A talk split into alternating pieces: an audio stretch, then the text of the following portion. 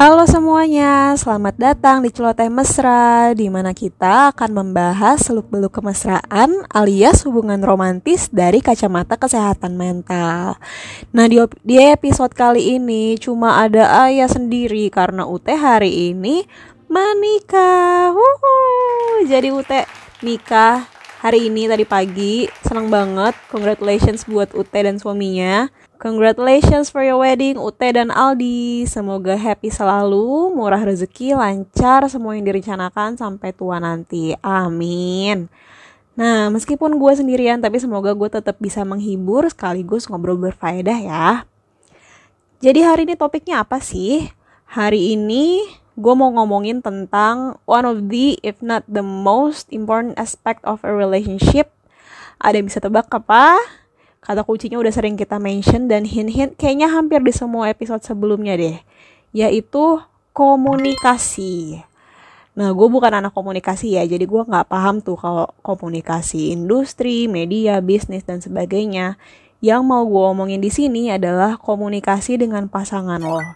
Kalau lo single, ya sama orang yang lo suka deh, atau sama teman, sama siapa pun sih sebenarnya. Karena basically kita berkomunikasi kan sama banyak orang ya setiap hari. Dan pasti kita nggak pengen berantem sama orang apalagi orang deket.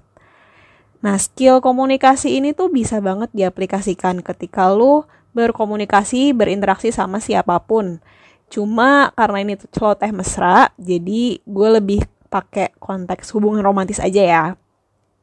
Sekarang kita mau belajar nih, gimana sih cara berkomunikasi dengan yang efektif dan efisien yang baik dan benar gitu. Pertama-tama, kita harus tanamkan mindset dulu bahwa komunikasi yang terbuka adalah fondasi atau dasar dari hubungan yang otentik, yang jujur. Nah, tentunya kita pengen hubungan kita akur dan langgeng kan ya sama pasangan. Nah, komunikasi yang terbuka itu maksudnya adalah bisa saling ngomongin kebutuhan dan keinginan masing-masing, nggak pakai kode-kodean, nggak, tapi juga bukan yang agresif kayak gue pengen A pokoknya harus diturutin. Kamu pengen makan ayam bakar? Gak enak ayam bakar. Bodo amat pokoknya aku maunya ayam geprek. Nah kayak gitu tuh agresif. Nah sekarang gue mau kasih satu skenario. Teman-teman bisa ikut bayangin? Ceritanya nih malam minggu. Lo sama pasangan lo bis berkegiatan terpisah di dua tempat berbeda terus janjian mau ngedate janjiannya lo nunggu misalnya di stasiun kereta atau MRT atau halte busway. Nah nanti dijemput sama cowok atau cewek lu nanti jam 7 malam gitu. Nah udah nih jam 7 lo sampai dong di sana. Terus lo sampai di sana belum nongol nih orangnya. Terus lo WA kan e, aku udah sampai nih kamu di mana? Nggak dibales. 10 menit 20 menit belum dibales. Akhirnya lo telepon gak diangkat tuh. Setengah jam kemudian 40 40 menit 50 menit lo telepon berkali-kali masih gak diangkat. Akhirnya setelah sejam dia baru datang. Maaf ya aku telat kata dia. Nih pertanyaannya apa respon otomatis lu? Inget ya yang otomatis. Yang menurut lu kalau beneran kejadian akan lo lakukan. Bukan jadi bukan uh, respon yang ah kayaknya ini deh yang bagus gitu. Tapi yang most likely bakal lo lakukan gitu kalau ini terjadi. Apakah A? Iya nggak apa-apa. Tapi mau kalau asem sepanjang jalan cemberut jutek diajak ngomong sepotong-sepotong aja jawabnya. Atau B? Ke mana aja kamu? Udah telat sejam gak ngabarin lagi gimana sih? Atau C? Kenapa kok bisa telat aku udah coba hubungin kamu tapi nggak ada jawaban. Next time bisa kabarin nggak kalau bakal telat? Nah, lo semua pada jawab yang mana nih? Jadi, pendekatan atau cara berkomunikasi itu ada tiga, yaitu pasif, agresif, dan asertif. Nah, kita bahas satu-satu ya respon dari skenario tadi. Yang A, yang tadi, eh uh, iya nggak apa-apa itu tapi lo jutek lo sebenarnya sebel gitu ini namanya komunikasinya pasif jadi fokusnya pada kebutuhan orang lain aja in this case pasangan lo bisa jadi people pleasing juga pokoknya asal dia seneng tapi lo menderita gitu ini lo cenderung memendam perasaan, memendam emosi. Mungkin sebenarnya tujuannya karena lo males ribut aja, tapi tetap aja lo kesel gitu. Nggak bisa dimungkiri lo tuh kesel, lo nggak suka dia telat sejam. Jadinya lo diem aja, tapi sebenarnya bete yang akhirnya mood lo nggak enak. Biasanya kalau kayak gini, pasangan lo mungkin berusaha minta maaf dan berusaha bikin lo ceria lagi. Tapi kalau lo tetap bete atau gengsi untuk ikut mencairkan suasana, kemungkinan pasangan lo bakal ikut bete juga karena ya useless gitu kan usaha dia. Atau bisa juga dia nggak pakai usaha mencairkan suasana, tapi lihat muka lo bete, saya dia nanya, kamu kenapa? Marah ya? Terus lo jawab, nggak apa-apa? Enggak, pikir aja sendiri. Kemungkinan dia bakal jadi bete juga dan akhirnya kalian sama-sama nggak menikmati kencannya. Ngapain gitu ya kan? atau kalau sama-sama nggak bete tapi kekesalan atau kekhawatiran lu nggak diungkapin berarti kan terpendam tuh kalau ini biasa jadi gaya komunikasi lo lo bisa stres sendiri karena selalu memendam perasaan terutama perasaan negatif stres lo tau nggak kalau nggak mengungkapkan perasaan lo kayak apa-apa dipendam iya nggak apa-apa gitu. Oke kita bahas yang kedua. Yang tadi ke mana aja kamu? Udah telat sejam gak ngabarin bla bla bla gitu. Merepet gitu kan. Ini namanya agresif. Tipe uh, pendekatan komunikasi agresif ini fokusnya pada kebutuhan diri sendiri doang demanding pokoknya harus ikutin kemauan gue sendiri gitu kalau di uh, case ini respon ini tuh fokusnya adalah lo yang udah lama nunggu gak dikabarin tanpa mempertimbangkan mungkin pasangan lo punya alasan sendiri kenapa dia telat dan gak ngabarin. Oh, BTW komunikasi agresif ini gak selalu ngegas atau pakai kata-kata kasar ya. Bisa jadi bentuknya tuh ngomongnya halus tapi nyinyir. Kayak uh, suka disebut juga pasif agresif. Gak pakai ngegas, kayaknya baik-baik aja, kayaknya gak marah. Tapi konten komunikasinya tuh kayak penuh kebencian gitu atau kemarahan. Kayak ya nyinyir gitu, nyindir kayak bagus ya telat sejam sampai udah lumutan nih nungguin kamu besok-besok ulangin lagi aja gitu itu juga tidak baik itu namanya agresif juga tapi pasif agresif gitu nah kita bahas option yang ketiga yang C kenapa kok bisa telat aku udah coba hubungin kamu tapi nggak ada jawaban next time bisa kabarin nggak kalau bakal telat ini namanya asertif pendekatan komunikasinya namanya asertif yaitu fokusnya pada diri lo sendiri dan orang lain. Jadi dua ya, fokusnya diri lo sama orang lain. In this case pasangan lo itu. Nah, gue akuin ini tuh susah. Ini tuh skill. Tapi bisa dilatih. Lo udah pegel nunggu, cemas juga kan karena gak ada kabar. Pas dia datang, pasti muncul emosi macem-macem kan. Tapi di saat yang sama lo juga kudu mikirin keadaan pasangan lo. Kenapa dia bisa telat? Kenapa dia gak ada kabar? kalau lo udah ngegas duluan taunya dia tadi ada kecelakaan gitu kan pas lo jadi nggak enak ya makanya dengan asertif ini lo tetap bisa ngasih tahu keadaan dan perasaan lo sambil juga tetap mempertimbangkan keadaan dan perasaan pasangan lo gitu. Jadi di sini fokusnya oke okay, lo kesel tapi lo juga uh, apa namanya mempertimbangkan jangan-jangan dia juga telat ada alasannya nih gitu. Kayak kalau alasannya misalnya ketiduran gitu ya bete sih gue ngerti banget sih pasti bete. Cuman lebih ngomongnya bisa lebih kayak oh kamu ketiduran lain kali bisa nggak bangunnya lebih awal atau gimana? gitu. Pokoknya kayak enak gitu kan uh, apa namanya uh, diomonginnya buat membuka diskusinya tuh enak gitu. Bukan kayak yang iya nggak apa-apa atau kayak marah-marah duluan kan buntu gitu ya jadinya. Nah gimana sih caranya berkomunikasi secara asertif Nah, kalau kita dalam kejadian yang genting atau ngagetin, mungkin kita lebih terbiasa buat langsung merespon ya. Kayak misalnya, ada nih temen gue, pacarnya waktu itu markirin mobil temen gue ini. Tapi, mobilnya ke barat pagar. Wajar banget kan, temen gue ini responnya panik kayak, Hah, kok bisa? Duh, kamu hati-hati dong, gitu. Karena berbagai alasan, misalnya, jadi mesti dibenerin mobilnya, keluar duit kan atau kalau ketahuan orang tua gimana nih abis deh gue dimarahin kayak gitu wajar banget kalau jadinya panik tapi ada baiknya kita latihan untuk nggak langsung merespon yang ada di top of our heads ketika sesuatu terjadi. Bisa nih kita belajar untuk tarik napas dulu, observe keadaannya, tenang dulu, baru kita ngerespon. Di case-nya temen gue, di, di case-nya temen gue itu, ya emang tetap pacarnya yang salah markirin mobilnya. Tapi buat hindarin ribut, yang mana itu akan nambah beban pikiran, bisa nih coba take some time sebelum merespon.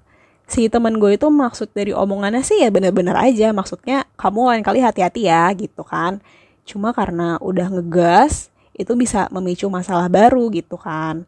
Karena sama-sama panik, dua-duanya panik, teman gue ngegas ini, si pacarnya juga jadi panik gitu kan. Di case itu kebetulan pacarnya temen gue itu sekarang alhamdulillah udah mantan. Kebetulan emang orangnya rada-rada sih, jadi kayak dia ngerasa dituduh, terus dia semakin defensif, malah balik marah, dan kayak nggak ngerasa salah. Meskipun sebenarnya itu adalah dia panik tapi dia nutupin gitu kalau dia panik. Itu cerita lain sih that's another story. Tapi kita kan nggak bisa ya ngatur orang lain. Yang bisa kita atur tuh ya diri sendiri doang salah satu caranya adalah mulai coba komunikasi dengan asertif fokus pada diri sendiri plus pasangan balik lagi ke gimana cara komunikasi yang asertif caranya adalah dengan menggunakan I statement I statement ini bukan produk produknya Apple ya. I di sini adalah maksudnya adalah aku. Jadi gunakan kalimat pernyataan yang depannya aku. Kamu kenapa telat? Aku udah coba hubungin kamu, tapi nggak ada jawaban. Instead of, kamu nggak jawab-jawab pas aku WA atau telepon. Bedanya apa? Ketika kita pakai I statement, kita ngasih tahu keadaan dan perasaan kita gimana. Sedangkan kalau depannya kamu, kesannya lebih kayak nuduh secara nggak langsung udah berasumsi bahwa dia udah bikin aku nunggu lama, jadi dia yang salah. Aku pengen dia tahu bahwa dia salah. Lo boleh banget ngerasa kesel atau capek karena nunggu. Tapi di sini kan kita belum tahu keadaan dia gimana sampai bisa telat. Jadi sebaiknya hindari yang you statement itu. Atau kalau lebih ke pasif, ya udahlah daripada berantem aku diam aja yang penting sekarang udah dijemput trust me, mendem perasaan juga nggak bagus. Lo bisa meledak someday, bisa stres sendiri, dan ngerasa nggak di ngertiin. Lagi mana dia mau ngerti, orang lo aja nggak ngomong. Ingat pasangan lo tuh bukan dukun, dia nggak bisa baca pikiran lo, lo juga nggak bisa kan baca pikiran dia gitu. Balik ke cerita mobil tadi, mungkin bisa coba ngomongnya, aku kaget banget pas denger kalau mobilku kebaret pas kamu parkirin Aku takut dimarahin orang tuaku, aku juga takut kalau baretnya nggak hilang. Kita mesti gimana ya? Gitu. Kerasa nggak bedanya? Panik tuh nggak apa-apa, marah tuh nggak apa-apa, kaget juga nggak apa-apa, manusiawi kok. Kita hanya perlu lebih mindful sama action kita terhadap emosi-emosi itu. Pasti deh, dia tuh nggak sengaja bikin mobil temen gue ini kebaret. Kayaknya impossible aja gitu kalau dia sengaja kenain mobilnya ke pagar biar baret, kecuali saya dia ini psikopat gitu ya entah mau ngapain tuh dia kalau sengaja ngebaretin mobil jadi tanpa dibilangin pun dia pasti udah panik duluan juga kok jadi buat hal-hal kayak gini nggak hanya soal mobil ya tapi masalah apa pun bisa nih kita latihan untuk fokus ke solusi instead of siapa yang salah nah bagian penting dari komunikasi asertif juga adalah request bukan komplain jadi request ini lawannya komplain ya jadi request itu adalah fokusnya ke yang akan datang in the future kayak lain kali bla bla bla bla ya. Sedangkan kalau komplain itu fokusnya ke yang udah kejadian. Ya namanya juga komplain ya, protes gitu kan. Bedanya apa? Komplain tuh menimbulkan rasa nggak berdaya gitu kayak harusnya kamu jangan gitu dong. Kesannya nyalahin, buntu, kayak orang udah terjadi ya mau mau diapain lagi mau gimana lagi jadi bikin feeling guilty bikin ngerasa bersalah sedangkan request menimbulkan rasa bisa rasa berdaya gitu kayak next time boleh nggak kamu bla bla bla gitu kan bikin ngerasa oke okay, aku bisa coba aku bisa usahain itu gitu dan itu membuka diskusi buat nyari solusi jadi nggak buntu jadi kalau ada kejadian-kejadian kayak gitu konflik gitu Ingat fokusnya adalah mencari solusi, bukan menyalahkan, oke? Okay? Terus dari tadi kita udah bahas soal cara ngomong. Nah, kalau ngomong sama orang, ada aspek satu lagi yang penting yang pasti kita lakuin, tapi sering kali kita overlook, kayak kita suka miss aja gitu, kayak ah apa sih gitu kan. Yaitu listening, mendengarkan. Kayaknya kita udah pernah mention juga di beberapa episode lalu ya soal active listening atau mendengarkan aktif yaitu mendengarkan dengan seksama, pakai empati. Tujuannya buat memahami apa yang lagi diomongin dan makna dari omongan lawan bicara kita. Sekarang gini, misalnya kita lagi cerita, udah cerita serius nih, seru gitu kan, atau lagi curhat. Tapi lawan bicaranya kayak nggak fokus, sambil main HP, sambil ngobrol sama orang lain, sambil main game. Perasaan lo gimana? Kalau gue sih nggak enak ya digituin. Apalagi kalau lagi ngomongin sesuatu yang penting, kayak, ya kok lo nggak ngertiin sih gitu. Kira-kira begitu. Nah, percakapan tuh sering jadi buntu karena orang yang ada dalam percakapan itu nggak ngerasa didengerin. Kalau nggak ngerasa didengerin, kita ngerasa kayak percuma nggak sih ngomong kayak ah ngapain udah capek-capek ngomong nggak didengerin, males ah gitu. Nah, gue mau kasih tips-tips nih buat mendengarkan, buat active listening. Satu, bikin mindset bahwa kita dengerin itu buat memahami, bukan buat menjawab atau berdebat, bukan buat ribut gitu kan. Jadi buat memahami perspektifnya uh, lawan bicara kita itu gitu. Kedua, ucapin kesimpulan yang lo tangkep dari omongan lawan bicara lo. Misalnya dia habis cerita panjang, bla bla bla, terus lo respon oh jadi lo ngerasa sedih ya misalnya soal apa gitu kan misalnya dia cerita soal pacar iya pacar gue selingkuh misalnya gitu. Teman lo nih ceritanya. Lo bilang oh ya lo kesel ya pasti uh, pacar lo selingkuh atau lo sedih ya gitu. Pokoknya kayak kalau ada kesimpulan kayak gitu lo omongin aja. Jadi itu tuh merasa lawan bicara lo didengarkan gitu. Kayak oke okay, mungkin lo dengerin juga uh, lo ngerti gitu di dalam pikiran lo. Tapi kalau lo nggak omongin ya lawan bicara lo nggak tahu kalau lo tuh menangkap yang dia maksud gitu intinya. Nah tips yang ketiga kalau bingung atau nggak ngerti tanya. There's no shame in asking. Kayak daripada lo miskom mendingan lo tanya eh tunggu jadi maksud lo tadi gini gini gini gini? Oh bukan maksud gue bla bla bla gitu. Jadi kan dilurusin ya kalau ada miskom kayak gitu nggak keburu berlanjut-lanjut berlama-lama padahal beda udah beda pendapatnya udah beda apa sih kayak yang ditangkap tuh beda sama yang dimaksud sama pembicaranya gitu. Nah tips keempat minimalisir distraksi dan pay attention. Nggak usah sambil main HP ya tergantung sih lo ngomonginnya apa maksudnya. Kalau kayak ngo ngobrol yang sekilas-sekilas doang, nggak penting gitu kan, kayak receh-receh gitu ya mungkin nggak apa-apa kali ya sambil melakukan hal-hal lain. Tapi kalau uh, lagi ngobrolin hal serius kayak curhat atau ngomongin duit misalnya buat yang pasangan yang udah menikah, lagi cerita di kantor aku gini gini gini gini. Minimalisir distraksi, gak usah sambil main HP, gak usah sambil main Candy Crush, gak usah sambil WA, IG, Pokoknya lo dengerin aja sama lawan bicara lo gitu. Pay attention. Nah, dari tadi kita udah bahas cara berkomunikasi dan cara mendengarkan. Sekarang gue mau kasih tips pelancar komunikasi khusus buat yang punya pasangan. Ini ya sebenarnya uh, mungkin berguna juga sih buat yang belum punya pasangan, tapi ini lebih fokus ke yang sudah berpasangan, oke? Okay?